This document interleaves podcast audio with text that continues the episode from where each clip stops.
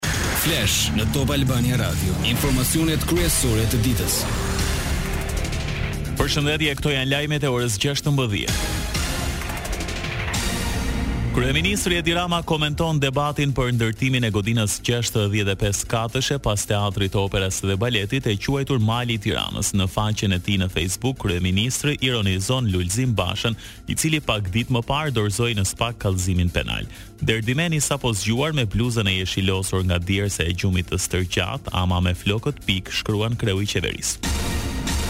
Kundërpërgjigjet Basha, i cili thotë se sa më shumë zgjatet lista e bashkëpunëtorëve të tij të ngushtë që janë në burg, arrati apo nën hetim për shkak të makutërisë, aq më të gjata bëhen hartimet e Ramës.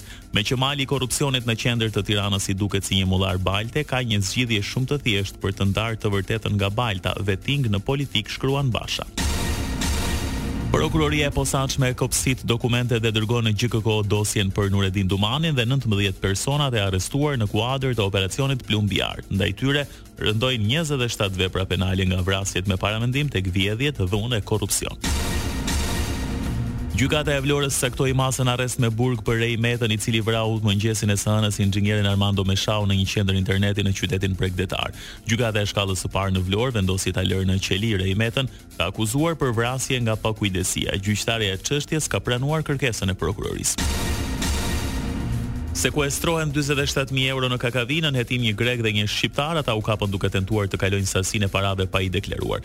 Shtetasi grek u ndalua pasi gjatë kontrollit në automjetin e tij u gjetën tridhjetë mijë euro të fshehura, ndërkohë rasti i dytë ishte ai i një pesëdhjetë e tre vjeçari shqiptar banues në Tepelenë, të cilit iu gjetën shtatëmbëdhjetë mijë euro.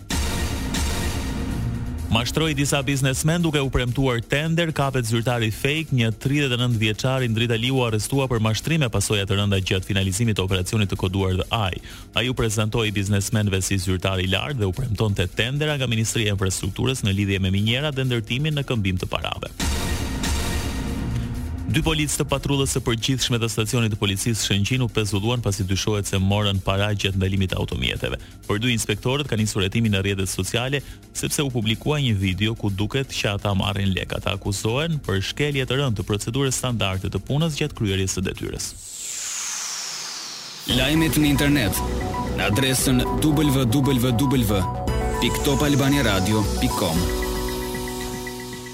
Kampionati më i dashur për shqiptarët, Serie A rikthehet në DigitAlb. Prej datës nëntëmbëdhjetë gusht nisin betejën për titullin kampion klubet ikonë Milan, Inter, Juventus, Napoli, Roma, Lazio e të tjerë. Tanimë do të përjetoni gjithçka, nga ligat më magjike të globit, Premier League, Serie A, La Liga, Bundesliga, Liga e Parë Franceze, Eredivisie dhe realitetin më të ri të futbollit botëror, Saudi League. Sezoni i ri televiziv rezervon argëtim për të gjithë familjen me programet më të ndjekura në çdo kanal të DigitAlb. Të gjithë shqiptarët do të gjejnë paketën më të plotë të kanaleve shqiptare dhe të Kosovës, si dhe ekskluzivisht kanalet kombëtare Top Channel dhe TV Klan me show, spektakël e informacion pa pushim. Nxitoni të përfitoni nga ofertat e sezonit të ri televiziv me ulje çmimesh dhe dhurata për të gjithë abonentët e rinj në Digitalb. Lajme nga bota. Zjarret pyjore në Maui të Hawait kanë lënë të vdekur të paktën pesëdhjetë e tre persona dhe shifrat po rriten. Guvernatori Josh Green pohoi se zjarret kanë shkrumbuar qytezën Lahaina, duke lënë mijëra persona pa strehë. Si pasojë e kësaj katastrofe që po konsiderohet më e keqja në historinë e vendit, Janë rrafshuar mbi një mijë ndërtesa, do duhen shumë vjet për ta rindërtuar Lahainën, tha Green para mediave.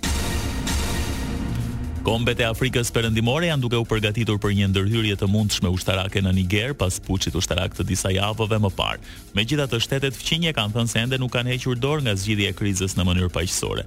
Ushtria e Nigerit e ka rrëzuar ish-presidentin Bazoum më njëzet e gjashtë korrik duke regjistruar puçin e shtatë në Perëndim dhe qendër të Afrikës në tre vitet e fundit. Komisioni Europian shpenzoi 2.7 milionë euro për foto dhe video të anëtarëve të tij nga fundi i 2019-s deri në prill të 2020-s. Shuma u bë publike në përgjigje të pyetjes së një prej eurodeputeteve nga partia e ekstremit të djathtë Alternativa për Gjermaninë. Shpenzimet gjatë mandatit aktual parlamentar përfshijnë shuma për fotografë, ekipe video dhe grim. Nuk jepet informacion i detajuar për shpenzimet e secilit prej njëzet e shtatë anëtarëve të KE-së. Parashikimi i motit.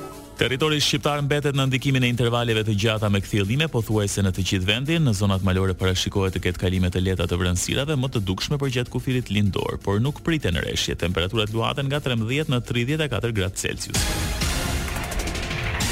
Ndoqët një përmbledhje kryesore të lajmeve të ditës. Unë jam Edi Hallaçi. Kjo është Top Albania Radio.